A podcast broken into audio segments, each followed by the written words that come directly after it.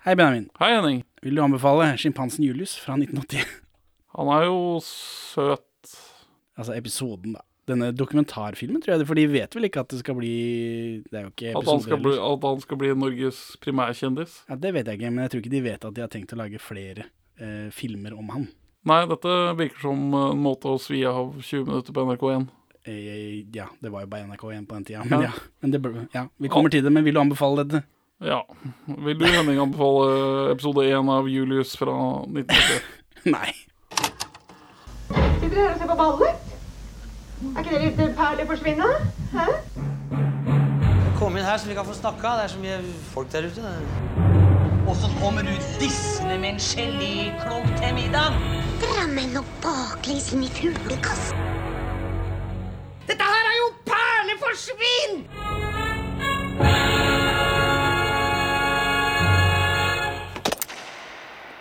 Velkommen til Perleforsvin, podkasten for deg som i likhet med apen Julius er veldig glad i amfetamin. Eh, vi er to middelmådige menn i 30-åra eh, som ser norske filmperler, og i dag så har vi sett en film om en sjimpanse som bor hos mennesker og er oppkalt etter Julius Cæsar og biter en fyr i hånda. Nei, vi har ikke sett The Rise of the Planet of the Apes, som er litt bekymringsverdig, egentlig, men, eh, men vi har sett den første dokumentaren om Julius eh, i Kristiansand dyrepark. Veldig, veldig gøy at begge de er oppkalt etter Cæsar. Ja, eh, Det er moro. Ja, eller han er jo ikke oppkalt etter Julius Cæsar, da, men eh, vår Julius. Er han Hvem er han oppkalt etter, da? Jeg kommer til det. Jeg har info. Hva er ditt forhold til Julius, sånn først? Han er en sjimpanse med Fra barndommen, da. Hva er ditt forhold til Du trenger ikke å fortelle meg hvem han er. jeg, Men hva jeg, tenk, har du hatt han med deg i barndommen? Nei. Jeg, jeg er kjent til han, men jeg har aldri vært noen sånn Julius-entusiast. Eller brydd meg, tenkt, brydd meg nevneverdig om Julius. Ja, for dette er jo 80-tallet. Det er jo litt før oss. Ja. Jeg har, jeg har vært i Dyreparken. Jeg har sett Julius med mine egne øyne. Oh my god. Jeg, jeg tror jeg til og med har sett uh, sønnen hans før han druknet. Dun, dun, dun. Henning, hva er ditt forhold til sjimpansen Julius? Eh, det er mye det samme som det, egentlig. Jeg husker sangen. fordi jeg antar Ja, det, jeg, jeg antar at jeg har hatt den på en eller annen skive. Eh, og jeg, jeg antar jeg har sett han også, uten at jeg har eh, For jeg har jo vært i Dyreparken her. Det, Kardemommeby gjorde mer inntrykk, tror jeg, for det husker jeg jo faktisk. ja, OK, jeg var, jeg var litt større. Jeg var, jeg var ikke i Dyreparken da jeg var bitte, bitte liten, når jeg var sånn semiliten. Ja, men jeg har jo vært der med mine søsken også, og de er jo seks år yngre enn meg, så da var jeg kanskje ti, da, men jeg, vet, jeg har jo sikkert sett den, men det har ikke gått inn på meg, liksom. Så, Jeg husker lemurene var morsommere. For de sitter fra der og Madagaskar. Jeg liker move it, move it. Jeg liker move it, move it. Du liker Eh, men jeg kan ikke huske å ha sett denne serien, kan du? eh, Jeg har sett den før, men det har vært et sånt Jeg har Gikk jo sikkert sommerferie. i reprise på barne-TV og sånn. Ja, jeg, jeg, jeg føler jeg har sett den sammen med avkommene mine i en anledning hvor de hadde lært av den sangen. Ja, så jeg har ikke sett, eh, sett dette før, tror jeg, disse filmene som det jo liksom skal være, da. Den første dokumentaren om Julius går 1.12.1980, som er den vi har sett i dag. Og så kommer det to stykk i 1982, og så er det én i 1984. Og disse blir sendt som serie på barne-TV og skolefjernsyn og sånt nå. Så det hadde jo vært moden for en femte episode, så det får jo bli denne, denne podcast-episoden. Men det, Dyreparken har jo sin egen TV-serie fått, egen dokuserie. Og der også har de en som heter, som handler om Julius, da.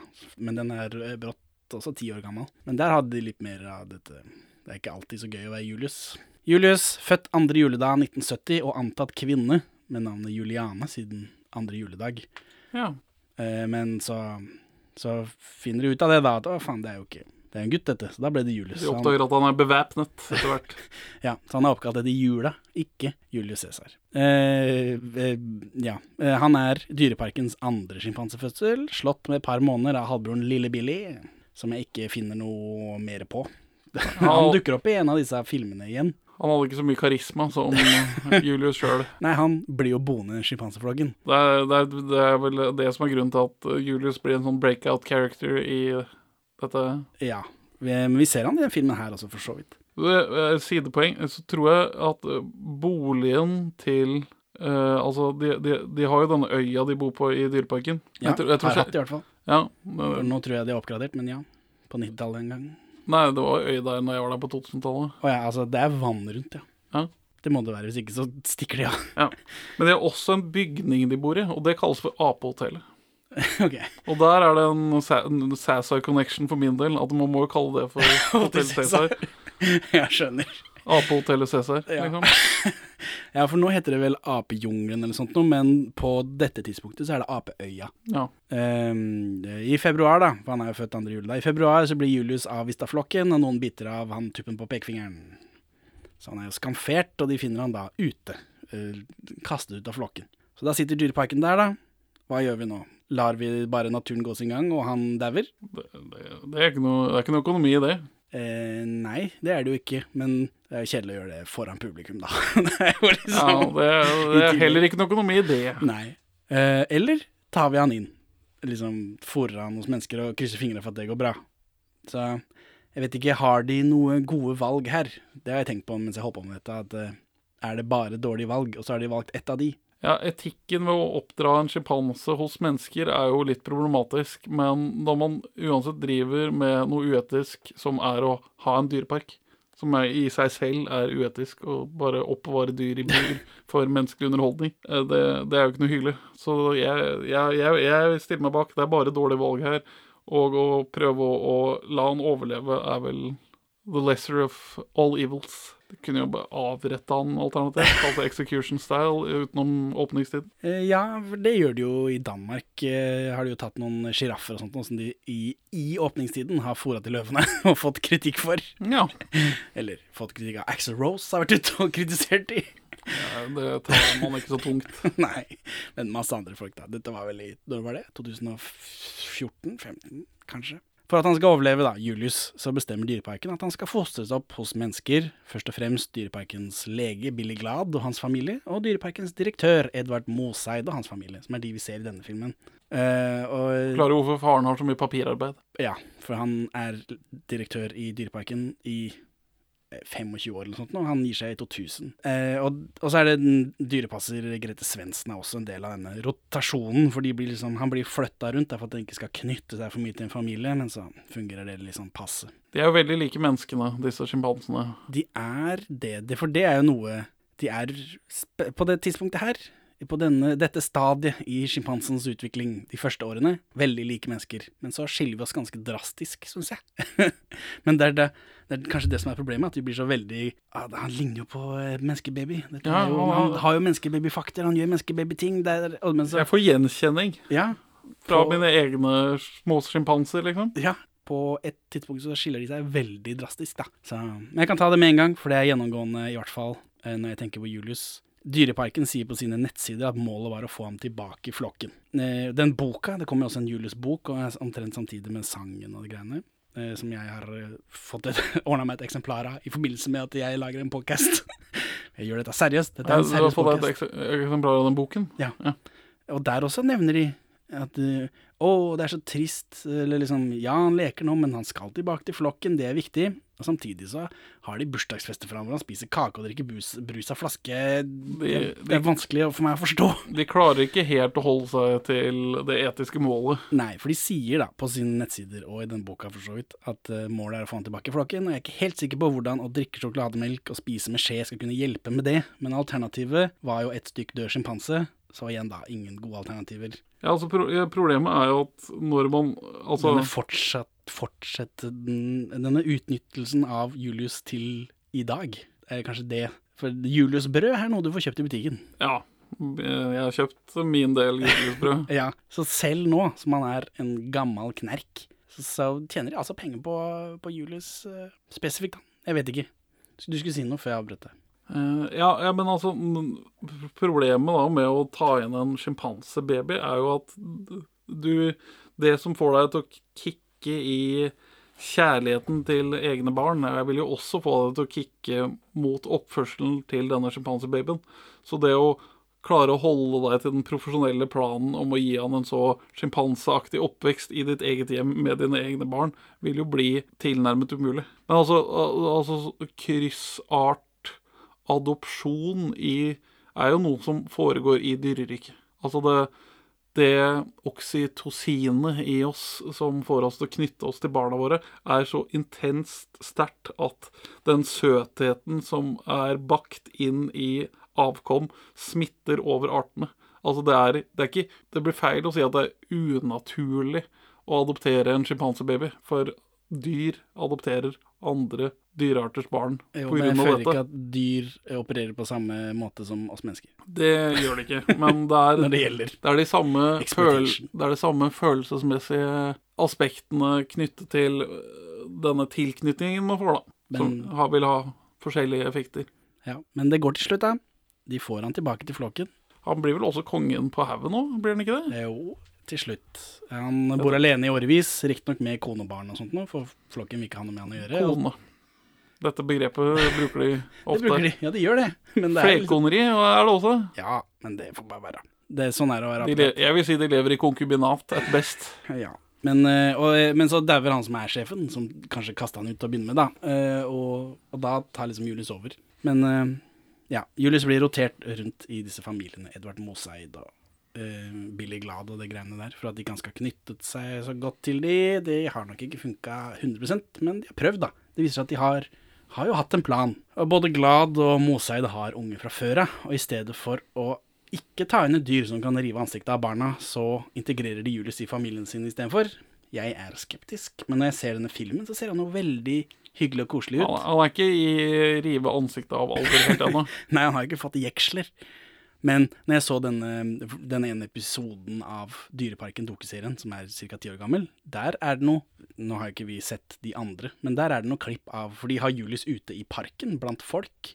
Fordi han er jo knyttet til direktøren, så han følger rundt han, ikke sant. de har han ute i parken, og så driver de og leker og kukker, og så, og så er det noe sånn Han snapper litt, og så er han der direktøren, eller han som han liksom har vokst opp med, og roer ned liksom, og liksom leker det bort. Men du ser liksom at eh, der, på et tidspunkt her, sånn, så kan vi ikke drive med dette lenger. Ja, for, for sjimpanser har andre har annerledes strukturerte armer enn det vi har.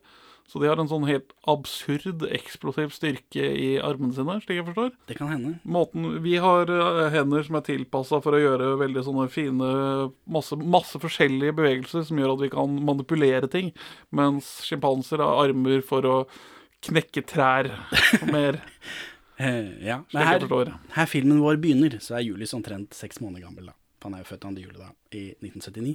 De har vel en tendens til å, å angri, eh, rive av ansikter og kjønnsorganer, slik jeg forstår.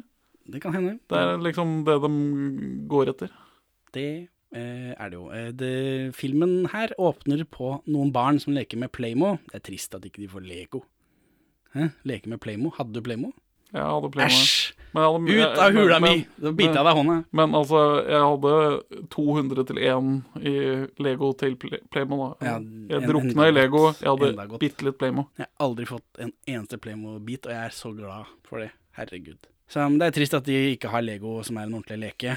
Barna er irritert på at Julius roter rundt og spiser på lekene. Og så bryter det inn en fortellerstemme som forklarer da at Julius er seks måneder gammel, han lærer med munnen. Dette er jo ting vi kjenner fra barna. Klassisk. Så får vi se sjimpanseøya med de andre sjimpansene.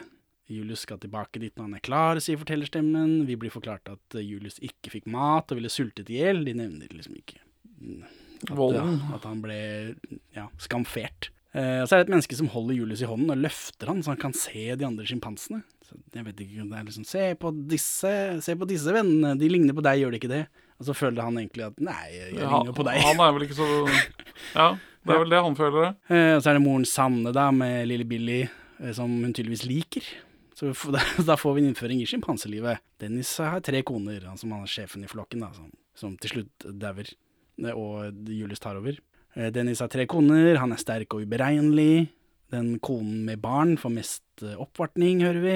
Ja, pass på at folk beste maten og Ja, sjimpan- oppmerksomhet. Sjimpansene er også så uberegnelige at dyrepasserne ikke kan gå inn til de, men de dytter liksom en bøtte, en kasse over med mat.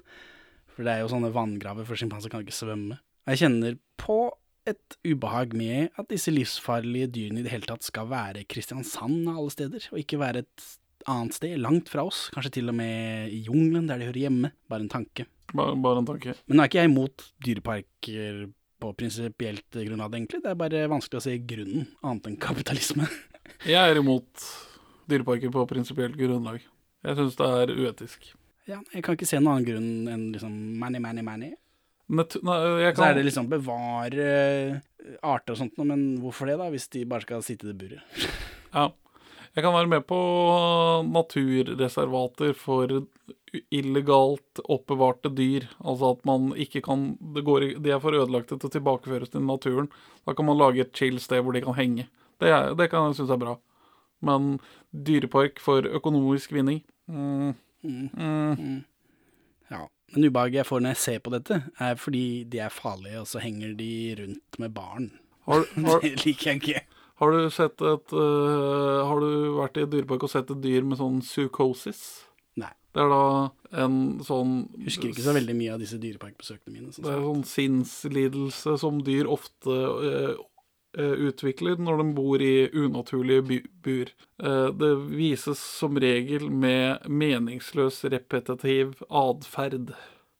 Altså at de gjør rare bevegelser eller gjentagelser liksom bare inn i evigheten. Så jeg var i Den siste dyreparken jeg besøkte, var i Danmark, i Randers, tror jeg det var. Og der var det en eller annen form for løvesubart. Nei, panter. Panter var det når jeg tenker meg om. Som hadde ganske, en ganske stor innhegning, men liksom i et hjørne så var det en sånn ha, uh, sirkel på sånn to meter, hvor det var liksom et veldig dypt spor, og den bare gikk rundt i den, bare sånn. Det er sånn Yes, nå koser vi oss! Å, se, på dette vak vakre dyret. Ja. Da forklarte jeg til mine barn da hvordan dette ikke var noe hyggelig. da. Nei, så da kosa de seg på ferie. Mm. Mm. Eh, men i filmen her så får vi høre at Julius trenger nærhet. Sjimpansebarn er på hverandre hele tida. De peller og ordner og bærer osv. Her ler jeg litt. Fordi det, sånn Menneskebarn trenger også dette, men vi er ikke så hippe på det ennå på 80-tallet. Nei. For det sier de at kanskje vi har noe å lære her av Ja. disse dyrene. Ja, kanskje det! Kanskje det! At de Kanskje jeg kunne fått litt nærhet, mamma! Eh. Ja, at det, kanskje vi skulle vært litt hyggeligere på hverandre. Uh, Sjimpanser har veldig stygge rumper. Ja, helt Det det, får vi se her, og det er, eh, ser ikke bra ut. Han må løftes og holdes på apevis, og han må kløes og lyskes. Alt dette er et kroppsspråk som vi kanskje kunne lære litt av hos apene. De er ikke redde for å røre ved hverandre på en helt naturlig måte. Så er vi hjemme i et 70-tallshjem. Det ser veldig gjenkjennelig ut. Det er så sånn, sånn ut hos oldeforeldrene mine. Ja. Eh, Julius eh, klenger seg fast i beinet på en fyr. Dette er jo også gjenkjennelig, antar jeg. Du som har barn i ferdig klengealder. Og så er det bleieskift på et toalettlokk, ikke noe stellebord. Nei, det virker ikke så velge, veldig ergonomisk for denne adoptivfaren. Nei. Fortelleren sier at familien prøver å behandle Julius som en ape. Holde han på apevis, pelle og klø på han osv. Og, og stemmen sier her at kanskje vi mennesker har noe å lære da av sjimpansene. De ikke er redde for å røre hverandre på en helt naturlig måte. Og i samme scene så drikker Julius av en flaske, men fortellerstemmen sier at han er, eh, han er ikke stor nok til å drikke av kopp. Som aper gjør, da, eller? Liksom, hva er dette? Jeg forklarer først at de behandler han som en ape, og så forklarer jeg at han må drikke av sånn tåteflaske, for han er ikke stor nok til å drikke av kopp. For ape gjør jo ikke det. Ah. Julius liker å male, det gjør han for så vidt ennå. Han, ved gjennom mellomrom så blir eh, noen av disse maleriene hans auksjonert bort til forskjellige saker. Store summer. Nei, underkant av 10 000 kroner, tror jeg. Ganske bra for noen som ikke forstår penger. for så vidt. Men eh, det er jo eh, en del folk som så dette som barn på 80-tallet, som er voksne, kan jeg tenke meg. Ja. Og så går det til gode saker og sånt. Sikkert, da. Det er nok noe overlapp til voksne Sabeltann-fans, tror du ikke det? Det kan jo for så vidt også hende. Altså, jeg hadde sikkert bydd på dette, men jeg er jo en raring da. Ja. Hadde passa fint med et lite apemaleri her ved siden av Lasse Geir, signerte Lasse Geir-plakaten min. Ja. Barna maler også, men de gir ikke Julius en pensel. Og i bakgrunnen så krabber det en jævla skilpadde. Ja, hvorfor får vi ikke noe info om den? Nei, altså, er det lov i det hele tatt? Hvis Når var det de begynte å forby dette? Fordi eh, han, Per Kristian Ellefsen hadde jo også reptiler i barndommen. Ja, for Men eh, han er jo sjef i Altså, dette er jo ja, hvis- sjefen i en dyrepark. Han har sikkert bare tatt Hvis, har, eh, hvis noen av barna har allergi, så får man eh, løyve Eh, til sånn terapien. dette. Dette, er sånn, dette. dette er sånn klassisk kjæledyrsskilpadde, og ikke Jo, men jeg sjekka det før de slapp opp for skilpadder og sånt. Og liksom tenkte, det er sikkert gøy å ha en skilpadde når jeg var 25 eller hva faen. Og det er mange ringer du skal hoppe gjennom for å få til det. Men det er klart, dette er jo 80-tallet. Man, noe, man sitter ikke og scroller i Instagram, liksom. Man har masse tid. Eh, Julius krabber opp i ma matfars fang og får en penn, og så roter han rundt på bordet hvor gubben gjør papirarbeid. Så får Julius drikke av matfars kopp, som jeg antar det er kaffe i, eller? Ja, han Hvis ikke han drikker vann av en kaffekopp. Han gjør en morsom grimase. Ja, akkurat som aper i det fri, antar jeg. Spørsmålstegn, Ja. spørsmålstegn, spørsmålstegn. Og så kryssklippes det dette med at barna leker på gulvet. Julius gjemmer seg under et bord, og så drar han ned duken med en plante på, og så spiser han planten. Men det er staged for kamera. Ja, For han går under bordet, klipp til planten som står oppå bordet, og så klipp til at han drar ned duken. Så her har de satt opp dette igjen. men dette er et av to justismord som Julius utsettes for i løpet av denne episoden. Altså, for det føles fake, da. Ja, altså, dette, dette, dette, er jo ikke en dokumentar. dette Man har lagt opp til at Julius skal dra ned den. ja, Man, altså, det er iscenesatt, liksom. ja. Og det, det setter Julius i et veldig dårlig lys. ja. Men øh, Det er utstudert. Det føles utstudert. ja, det Det skal jeg legges bare frem som en dokumentar, ja. Jeg tar opp det andre justismordet Ja, når det du kommer til det. Okay. Eller skal jeg ta det nå? Ja, vi kan ta det nå som vi snakker om. Ja, så Senere så driver uh, dattera i huset, som er vel ikke noe særlig mer enn tre-fire, og skal uh, helle jus i Julius. Og så søler dattera ut jusen. Og så er det sånn 'Å, hvorfor sølte du, Julius?' Hæ? Hvorfor gjorde du det? Og så kommer mora bare sånn 'Å, Julius, nå sørte du masse'. Så sånn, Du må si det som hun sier det. Hæ? Hun er fra Kristiansand. «Å, Julius, nå tok du og sølte all jusen, din lille drittape. Men, men øh, stakkars Jul, ha- det er ikke hans skyld at den jusen ble helt ut. Nei, det er jo lureri. Og den ungen er skikkelig drittunge. 'Mamma, kan du tørke opp? Jeg orker ikke.' Ja, jeg orker ikke. Det er bare fuck deg, det er jo du som har sølt. En gris. Mamma, kan ikke du tørke, for jeg gidder ikke å tørke det. Det. Uff, som du er sølt, Julius. Så, men matfar eh, klager over at Julius forstyrrer i arbeidet, og setter han i en lekegrind som han prøver å klatre ut av. da. Dette, er- dette er heller ikke en naturlig apeatferd. Nei, han er utrolig søt. Jeg forstår at folk faller for dette, liksom. Men uh... Ja, for han blir jo Norges han, blir jo rikskjendis over natten etter det programmet her, blir han ikke ja, det? Jo, han er jo kjendis. Så Julius klager så mye på å sitte alene i den bare grinda. Det er ikke noe leker, det er ikke noe madrass, det er det ingenting. Nei, det, det skjønner jeg godt. Det er Ja, det er fordi de prøver å vende han til liv i dyreparken, antar jeg. I et tørt bur. Uh, han klager så mye at matfar må ta han opp igjen. Og matfar, har, altså det er Mosei dette, da. Han har bart, koteletter og hentesveis, som er litt av en look. Oh yeah. Uh, matfar ringer til dyrlegen, antar jeg. Matfar sier at Julius kan være forkjøla, at han gulper en del etter grøt. Og han har fått mange tenner, som jeg har sett utropstegn bak. At det, dette, har du det samme barnet ditt med tenner? Så er vi hos dyrlegen i enda et 70-tallshus, om ikke det er det samme huset.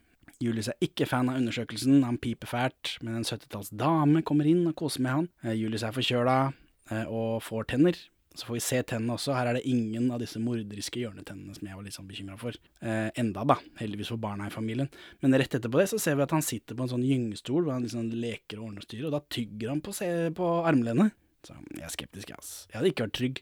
Han er så liten, så hadde jeg turt. Men jeg hadde ikke latt han være alene med barna, nei. Ja, det, altså det, jeg, jeg og Michael Jackson kunne fint delt på en Bubbles eller to, men eh, Men jeg ville ikke hatt Jeg ville ikke fostret han opp sammen med barna mine. Hæ, hva skjer her? Gjør det vondt her? Å ja, der kom tanna. Hæ? Få se. Ja. Der inne kommer han, ja. Er det derfor du er litt sånn slapp? Hæ? Og så følger en altfor lang sekvens hvor Julius bare leker med barn, uten barn. Dette er uten lyd, liksom. For jeg, Han er veldig søt, da. Ja, men jeg lurer på hvordan de mikker han opp i de andre sekvensene. Flyr de etter han med sånn boom-mic? Er det det rett over? Liksom? Det må jo være noe sånt. Jeg vil tro det. Så er det barn som kler han opp i hatt og briller, akkurat som i jungelen, antar jeg. Eh, Og så klager barnet på at Julius prøver å bite i barnet. Dette har skjedd offscreen, da, riktignok. Og så er det bading i vasken på do.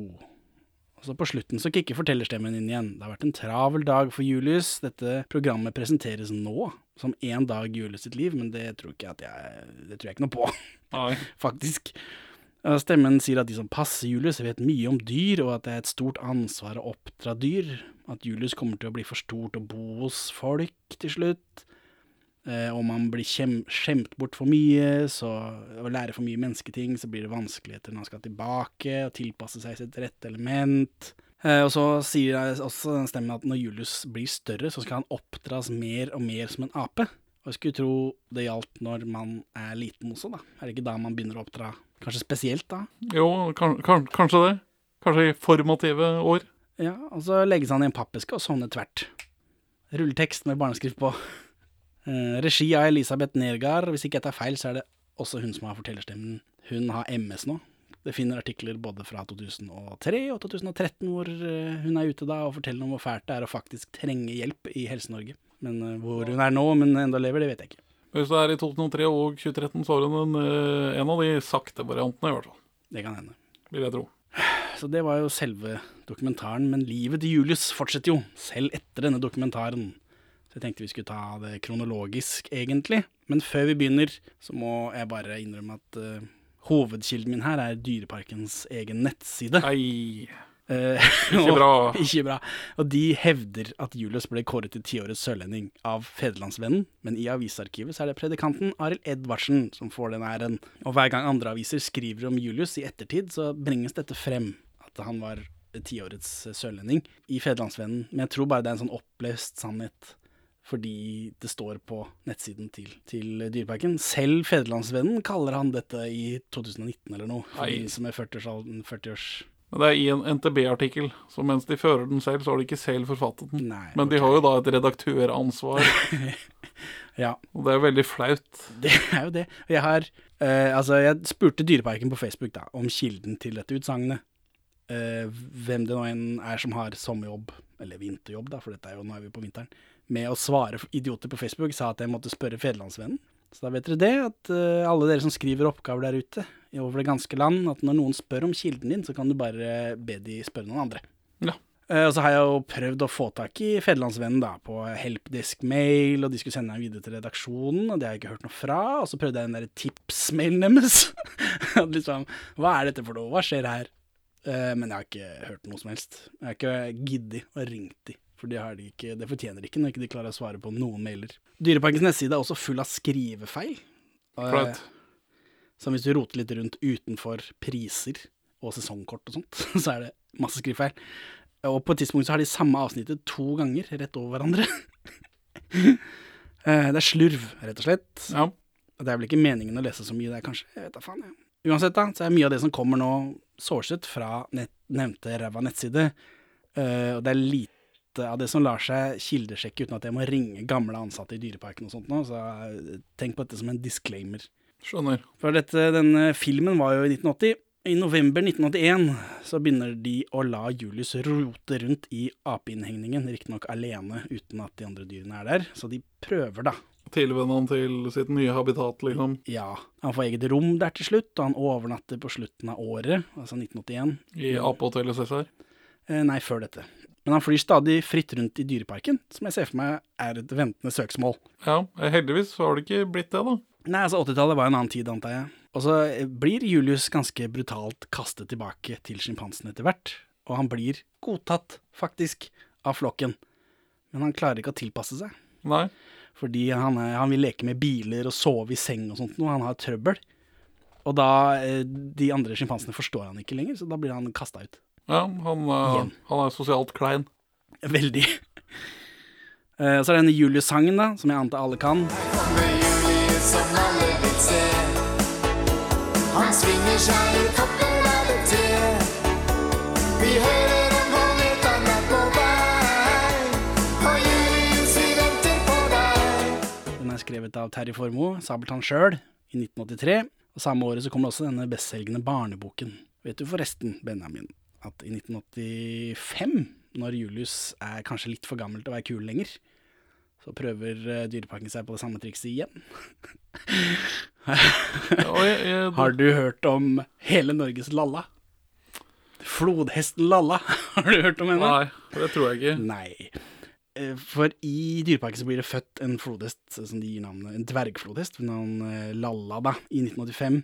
De prøver å gi henne stjernestatus så folk skal komme og se henne. Eh, Terje Formoe skriver en låt som heter Lalla. Oi. Og den kommer helt på plass nummer ni på norsktoppen. Ja, dette har jeg sjekka, så det stemmer. Eh, låta virker å være glemt, da. Eh, for jeg fant den ikke på internett noe sted. Eh, Så da måtte jeg brenne 150 spenn på en singel fra Finn. Oh yeah. Eh, Så om ikke dette som nå kommer er en premiere, så er det i hvert fall en eh, Så er det i hvert fall lenge siden sist. Tilbake fra glemselen. Ja, jeg tenkte vi skulle spille hele låta, ja, eh, siden den ikke er å få tak i noe sted. Og så kan vi kommentere innholdet etterpå, så det er lovlig. Ja. Um, Kjempebra. er det ikke det? Jo, jo. Eller vi har ikke lov til å vise det i sin helhet, sånn teknisk sett. Men det kan Hvis vi kommenterer det, for dette blir jo en sammenligning Det er jo betimelig med en sammenligning med denne Julius-låta, da. Ja. Og så- har ingen anledning til å ha hørt den, så da kanskje det kan være greit å gjøre likevel. Ja, jeg lurer på det. Eh, og så prøver vi liksom Vi får må sammenligne, da. Eh, og dette, den er tatt opp med mikk utenfor høyttaleren på min platespiller, så lyden blir jo sånn den blir. Nå skal jeg spille den for deg og meg her, sånn, og så spiller vi hele i klippen.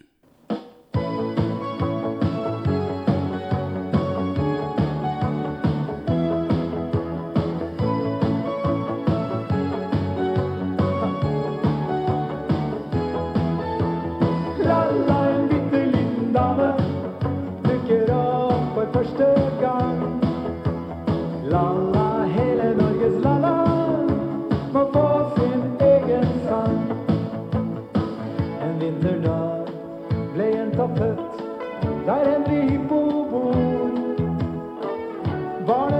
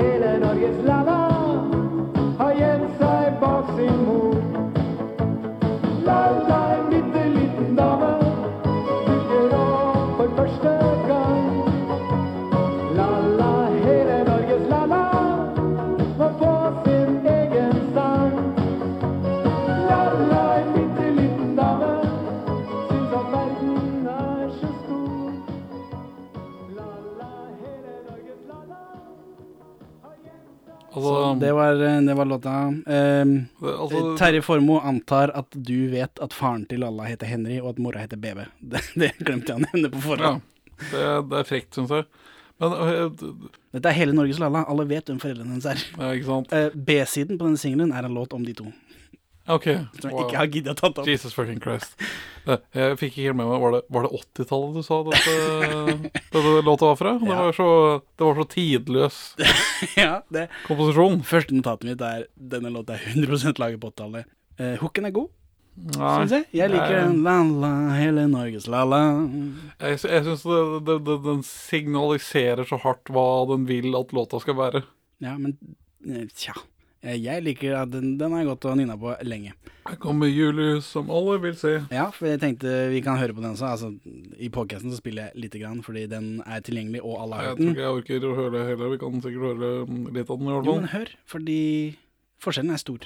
Vi har ikke sett ham før, men vi kjenner han som TV-sjarmør. Det koster mye å bli populær. Er det noen som vet er? Her kommer Julius som alle vil se. Han svinger seg i toppen av et tre. For den Julius-låta er jo en barnelåt. Ja. Barnekor og, og dritt. Det og så går den mye saktere. Den er Ja. ikke like hip. Nei, men den har, jeg syns den, er- den har bedre groove. Jeg syns det er mer sving i, i Lalla-låta. For Lalla Thorsen, det er noen, er det ikke det? Eh, eh, Carlsen. Ja, faen. Hun Med kokainen.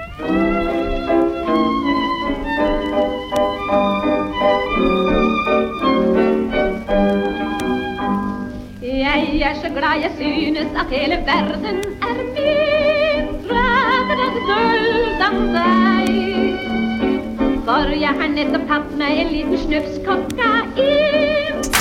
Ja, hun eh, gjør jo Lalla ganske vanskelig å google. Men ja, eh, banal tekst i den eh, egentlig bedre, altså, I Lalla-låta er veldig banal tekst, for det handler bare om at hun blir født, og så er faren hennes ute. Ja, at verden er stor. Ja, hun, Hun er liten. Ja. Er det? Men, men mens denne Julius-låta handler jo om at vi, du og jeg, aktiviseres for å komme og se på Julius, og at han gjemmer seg, for han er TV-kjendis. Så jeg vet ikke. Tanker? Noe må det sies, ikke bli saksøkt av Sabeltann her. Nei, eh, problemet mitt er at uh, Lalla, Lalla-sangen er så tydelig forsøkt på å gjenskape 'Lightning in a Bottle'. Eh, Ja, det er det, men det er hele Norges Lalla.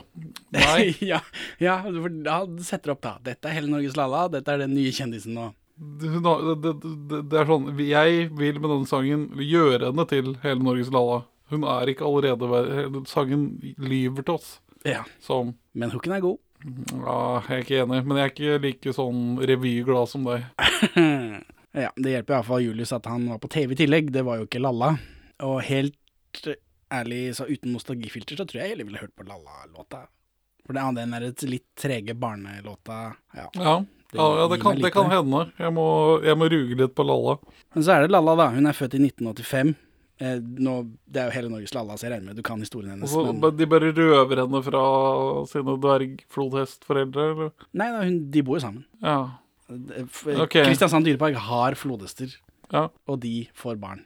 Men magic-saucen til Julius kommer jo fra at han blir tatt ut av sin opprinnelige kontekst. Ja, og kommer på TV er vel det viktigste. Ja. Men ja. Nei, det skjer ikke noe spennende med Lalla annet enn at hun eksisterer. At det er eh, ikke så ofte man har dvergflodhestfødsler i Kristiansand. Nei, men det blir aldri noe Lalla-feber. Jo, niendeplass på norsktoppen. Norsktoppen er liksom ikke den kremeste av lista å konkurrere på. Nei, Det blir niendeplass. Eh, I 1987, når Dyreparken får enda en flodhestfødsel, så nevnes det at Lalla er der fra før av, og at de hadde en mislykket unge imellom de to. da. Eh, og i 1990, i forbindelse med en tredje flodhestunge, eh, med noe forvirret skrevet som en fjerde fødsel, selv om det må være minst den femte. Ja. Fordi det er- har vært mislykket fødsel før også. Ja, så sier Edvard Moseid da at Dyreparken fikk sin første eh, fikk sitt første dvergflodhestpar i 1978, og at den første dvergflodhesten som ble født i Dyreparken, ble trampet i hjel da moren fikk panikk da en vannslange røk. som ikke er Lalla, men den før. Ja. Altså den første fødselen. Mørkt. Eh, og så står det at for fem år siden så kom unge nummer to, og dette er jo da Lalla.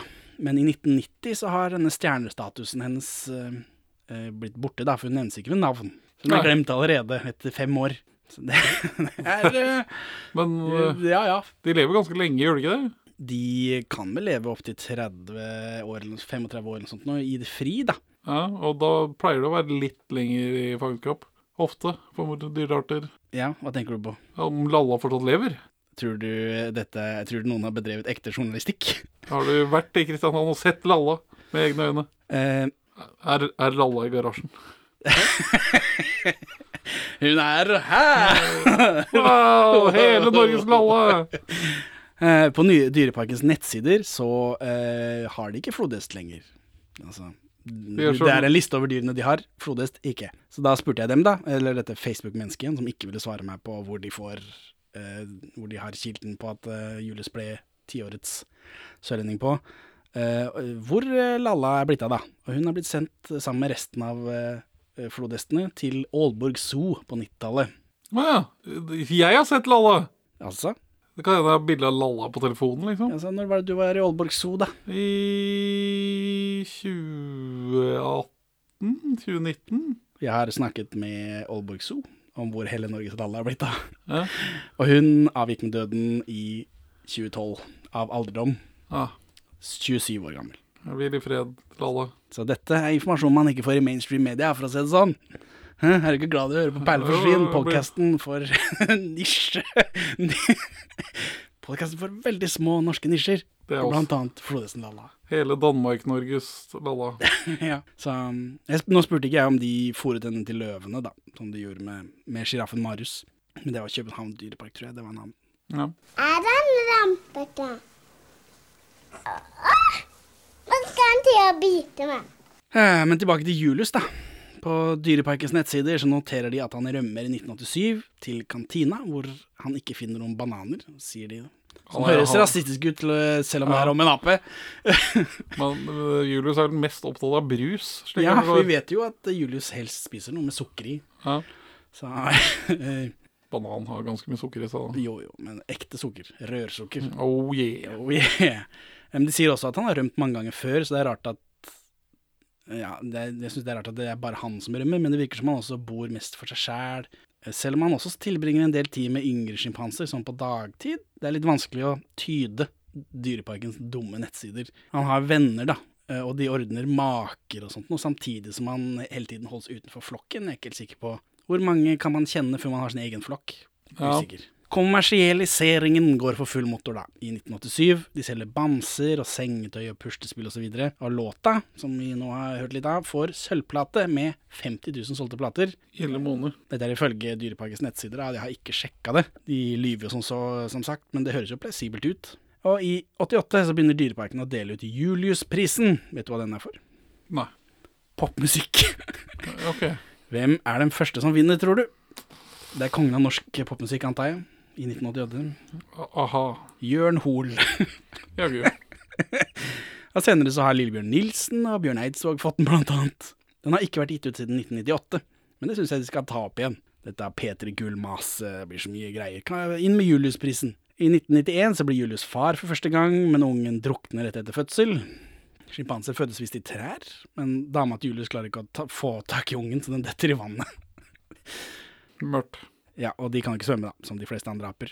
Men har vel et voksent barn som drukner òg, etter hvert? tror jeg. Ja da, de, de, Ja. kommer til det Ja, kronologisk. unnskyld. Jeg bare ble forvirra, at drukning dukka opp så tidlig. Å ja, men det skjer hele tida. Sjimpanser, som de fleste aper, kan ikke svømme. Når jeg sa det i stad, hørtes det ut som de fleste aper kunne svømme, men ikke sjimpanser. Ja. Dyreparken runder 500 000 besøkende dette året, altså 1991. Nettsiden sier at det er pga. Kardemomme by. Julius er vel blitt for gammel da, kanskje. I 1992 så rømmer Julius igjen. For femte gang noterer nettsiden. Og da biter han en søppeltømmer til blods. Uhøflig. Dyreparkens nettsider spekulerer om Julius tolket bråket når søpla ble hentet som en maktutfordring. Julius rømmer, ligger i bakhold og venter på søppelbilen, og når søppelbilen kommer, så klatrer han opp på sida av bilen og svinger seg inn gjennom det åpne vinduet. Ah, skummelt! Med, med speilet. Altså, han tar tak i speilet, og så svinger han seg inn. Og så biter han sjåføren i hånda.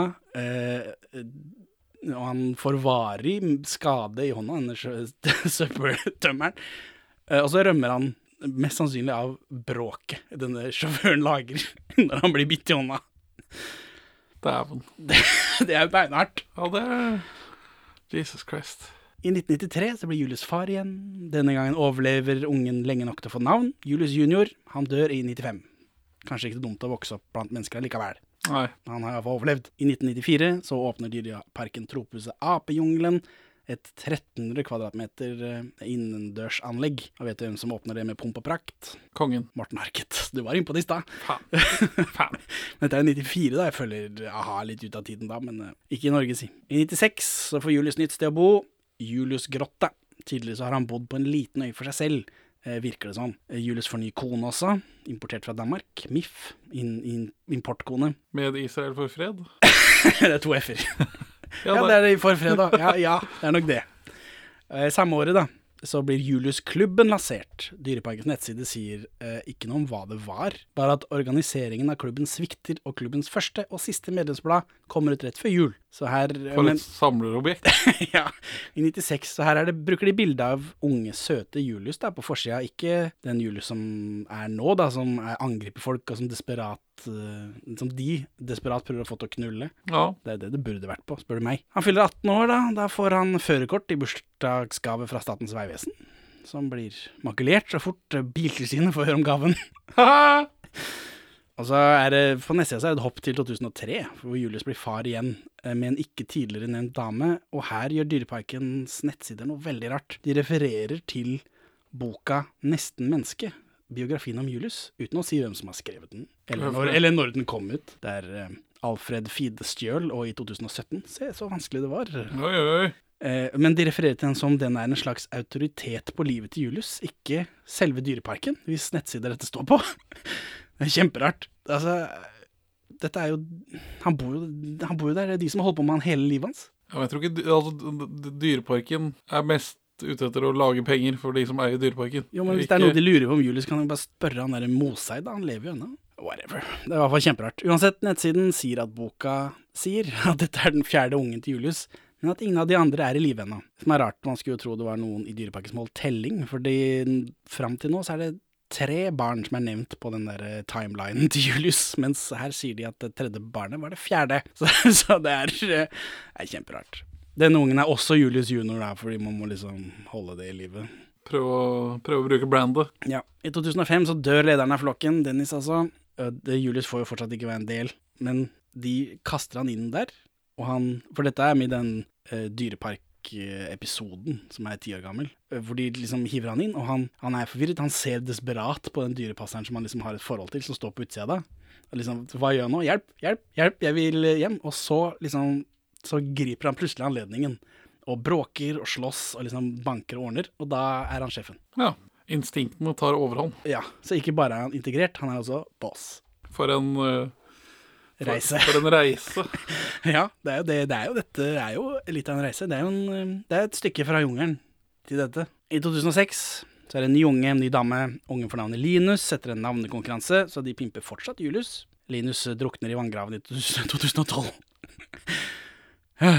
2010. Her får Julius enda en unge. Den dør under fødsel. Men det er ikke nevnt i biografien til Julius på Dyreparkens nettsider, men et helt annet sted på Dyreparkens nettsider hvor det står noe om Julius igjen. Det er rotete. 2011. Ny dame, ny unge. Den heter Yr. Tydeligvis fortsatt i live. I 2006 så må han opereres ved to forskjellige anledninger da han bryter inn i slåsskamp mellom de to gjenværende barnemødrene hans. Mora til Linus, som var alfahund, blir skippet av gårde til Nederland av en eller annen grunn. Så det roter i, eh, i hierarkiet i flokken. Ja. Som ender med at han må opereres to ganger. I forbindelse med dette så gentester de han også, for å finne ut uh, hva er dette for noe, egentlig. Hva er dette for dyr? Han er en vestafrikansk sjimpanse, en kritisk truet dyreart. Og han er dyreparkens eneste, så de håper uh, å få tak i et par hunder av samme underart et eller annet sted. da. Ja. Det kan også forklare hvorfor han sliter litt med plassen i flokken til å begynne med, muligens. Vet ikke. Jeg vet ikke hvor mye det har å si. I 2019 så tar han amfetamin. Ja, koser deg. For noen har kastet inn en brusflaske med amfetamin i. ja, det stemmer. Og for Julius har, eh, liker å få kastet inn brusflasker. Ja. Han åpner korka null stress, og så bare chugger han som faen. Eh, det er selvfølgelig farlig for han. Han begynner vel å knaske på hånda si, gjør han ikke det? Sånn Jo, han blir jo lagt i narkose, da, til slutt. Så. Ikke bra. Så er det 2021, ny unge, samme dame denne gangen. Den unge heter Kongo, som høres litt rasistisk ut, men eh, En sjimpanse blir vanligvis 40-45 år. Julius er i sitt 44. år nå, så I fangenskap så lever de vel fort opp i 60-åra. Kanskje, Tror jeg. Kanskje Lalla kan ta over som maskot, har jeg skrevet, men det var før jeg fant ut hvor det ble av henne. Sjimpanser deler 94% av gener med mennesker, og så er det dette med at de ligner så veldig da, til å begynne med, og så skiller de seg drastisk på et tidspunkt. Og så trodde jeg, jeg var ganske sikker på at jeg hadde sett en artikkel et sted hvor Dyreparken hadde eh, fått et nytt barnedyr, og hvor de sa noe om at de driver ikke med navnekonkurranse lenger, eller dyremaskotter som Julius. Mm. Uh, for at de vil heller at folk skal se de som ville dyr og ha respekt for det og sånt, og ikke som maskoter. Men jeg klarer ikke å finne noe sted. Så det er mulig jeg bare drømte. No. Og de har en navnekonkurranse i 2014, og så har de Julius-brød i butikker, så jeg må, kan hende jeg bare finne på det. Jeg klarer ikke å finne det igjen. Jeg, jeg, jeg føler at jeg har lest noe lignende. Men da er det nevnt da, i hvert fall at det kan hende, men jeg klarer faen ikke å finne det. Mulig at Dyreparken bare er woke posører. det kan hende. Så Benjamin, hvorfor vil du anbefale denne første dokumentaren om Julius? Julius er søt. 70-tallshjem er søtt. Hvorfor vil ikke du anbefale denne episoden om Julius? Det er lavmælte greier, da. Herregud. Det er, det er 20 minutter lang, og så er de siste ca. 16 minuttene presenteres både Julius og ting han driver med, helt uten story eller musikk eller noe som helst. Det føles tomt. Og så er det disse utstuderte eh, bitene, hvor liksom de ja, Det er justismord, da, som du kaller det, men det, det er vanskelig å se hvordan dette kunne grepet en hel nasjon, da, som det tydeligvis gjorde. Men Julius er jo søt, da. Og så er det kanskje nyheten om Eller altså novelty. Nyhet som i novelty. At en ape bor hos nordmenn, eller? Barn er lette å lure. Jeg tror det. Han er bare veldig søt og Ja. hårete. Ja, barna er lette å lure, da. Så de så sikkert seg selv både i Julius og i barna. Kan jeg tenke meg. Å, hadde det ikke vært gøy å ha en ape som venn. Det, det var mye om Julius. Ja, det, du hadde veldig mye om Julius. Jeg, sånn, jeg visste ikke helt hvorfor vi skulle se den her. Nå Nei, for det er jo et fenomen, da. Så var jeg veldig nysgjerrig på det, og så bare rota jeg meg inn den der flodhesten. og det som er Men det er veldig irriterende at ikke jeg finner ut at ingen reagerer på dette, at de lyver om den tiårige sølvligning. Vi får klage dem inn til eh, PFU, da. For at de eh, lefler med fakta, liksom. ja. Benekter du fakta, eller? Tina Bettina. Ha det bra, Benjamin. Farvel, Henning. Takk for at du hører på Perler for svin. Vi er mest aktive på Twitter, perler for svin, men vi er å få tak i på Facebook også, perler for svin pod i ett ord. Vi svarer på Messenger selv om siden ser død ut. Vi har egen hjemmeside, perleforsvin.no. Her finner du også episode 1 til 27, og vi er tilgjengelig på mail på perleforsvinpod at gmail.com. Gi oss en rating i din podcast-avspiller, og legg igjen en eh, anmeldelse så folk skjønner hva for noe tull vi egentlig driver med. Og for øvrig, legg ned kongehuset. Her er ukas Paul Bang-Hansen-sitat ute av kontekst. Men først skal altså Robert Redford sitte på hesten i Cornflakes-showet. Menneskene som passer Julius, vet mye om dyr, og de vet at det er et stort ansvar når en tar dyr i sin varetekt. En dag blir dyret stort, for stort til å kunne fortsette å bo blant mennesker. Har vi da skjemt det bort, eller ventet til for mye av menneskelig levemåte, vil det ha store vanskeligheter med å klare seg selv. Jeg liker move it, move it. Jeg liker move it.